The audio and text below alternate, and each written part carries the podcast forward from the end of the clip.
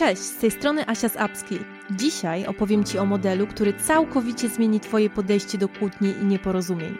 Zapraszam do słuchania.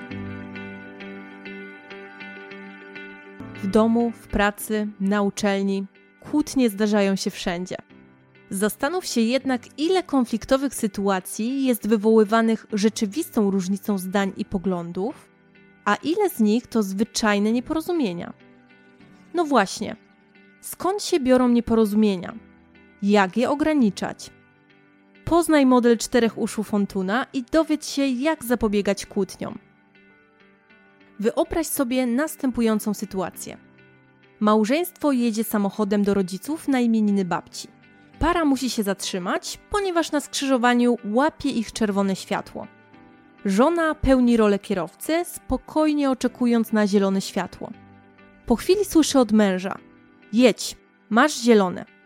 Jak myślisz, co pomyśli lub odpowie żona w tej sytuacji? Tak naprawdę nie wiemy, jak zareaguje żona. Jedną z opcji jest jej irytacja i odebranie komunikatu męża jako chęć udowodnienia jej, że jest złym kierowcą. W jej głowie może pojawić się myśl: No, przecież widzę, że światło jest zielone, nie jestem ślepa. Mąż nie ma nic złego na myśli i tylko stwierdza fakt, że zmienił się kolor sygnalizacji świetlnej. Jednak i tak dochodzi do niepotrzebnego nieporozumienia. Może on w tej sytuacji ewentualnie dodać: Kochanie, źle mnie zrozumiałaś.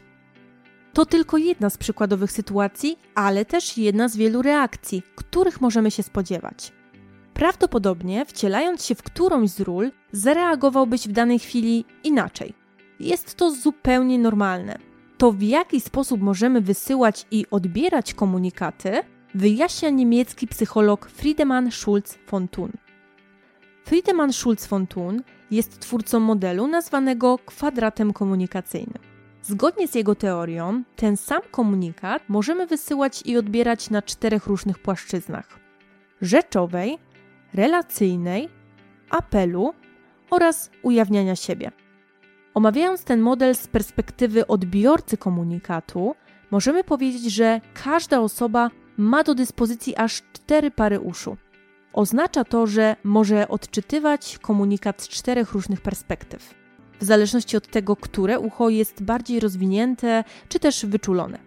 Używając danej pary uszu, skupiamy się na konkretnej części przekazu, pomijając przy tym inne kwestie.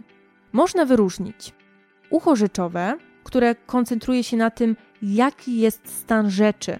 Odczytuje informacje na płaszczyźnie rzeczowej, co jest charakterystyczne dla umysłów ścisłych.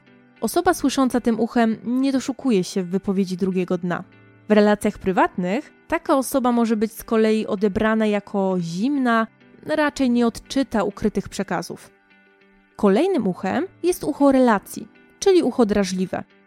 Osoba, która słyszy tym uchem, zadaje sobie pytania, za kogo mnie bierze nadawca, co o mnie myśli, jak się czuje przez niego traktowany. Mocno rozwinięte ucho drażliwe może powodować, że odbiorca komunikatu całkowicie zignoruje jego płaszczyznę rzeczową i usłyszy w nim tylko atak na siebie. Ucho ujawniania siebie terapeutyczne. To ucho skupia się na nadawcy wiadomości, na tym, co czuje, co się z nim dzieje. Osoby o rozwiniętym uchu ujawniania siebie starają się zrozumieć rozmówcę, wykazują się dużą empatią i są dobrymi słuchaczami. Ostatnie ucho to ucho apelu. W głowach osób z rozwiniętym uchem apelu pojawiają się pytania, co powinienem zrobić, myśleć, czuć na podstawie wypowiedzi nadawcy. Takie osoby są nastawione na działanie, spełnianie życzeń, próśb, które niekoniecznie są skierowane do nich.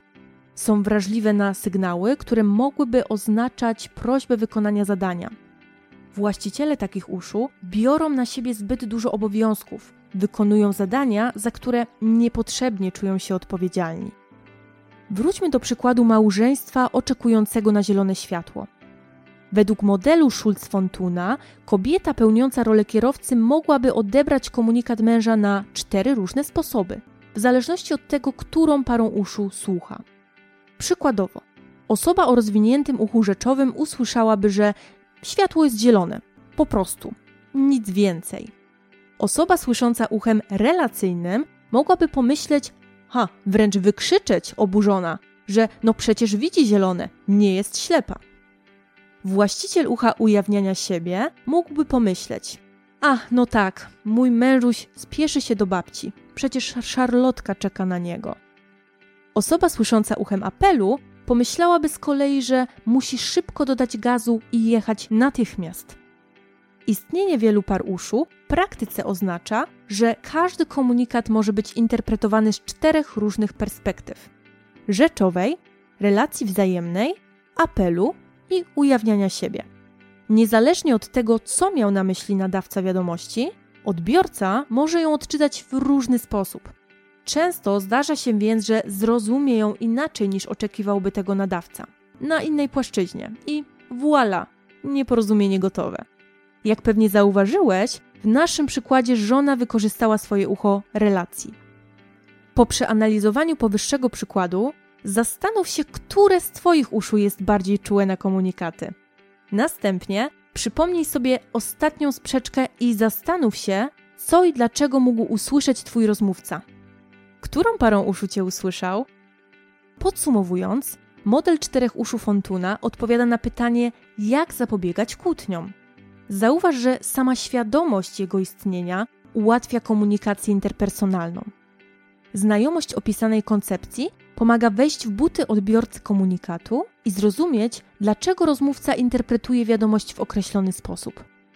Przekaż artykuł dalej, a jeśli wyczujesz kłótnię na horyzoncie, przypomnij sobie o Fontunie.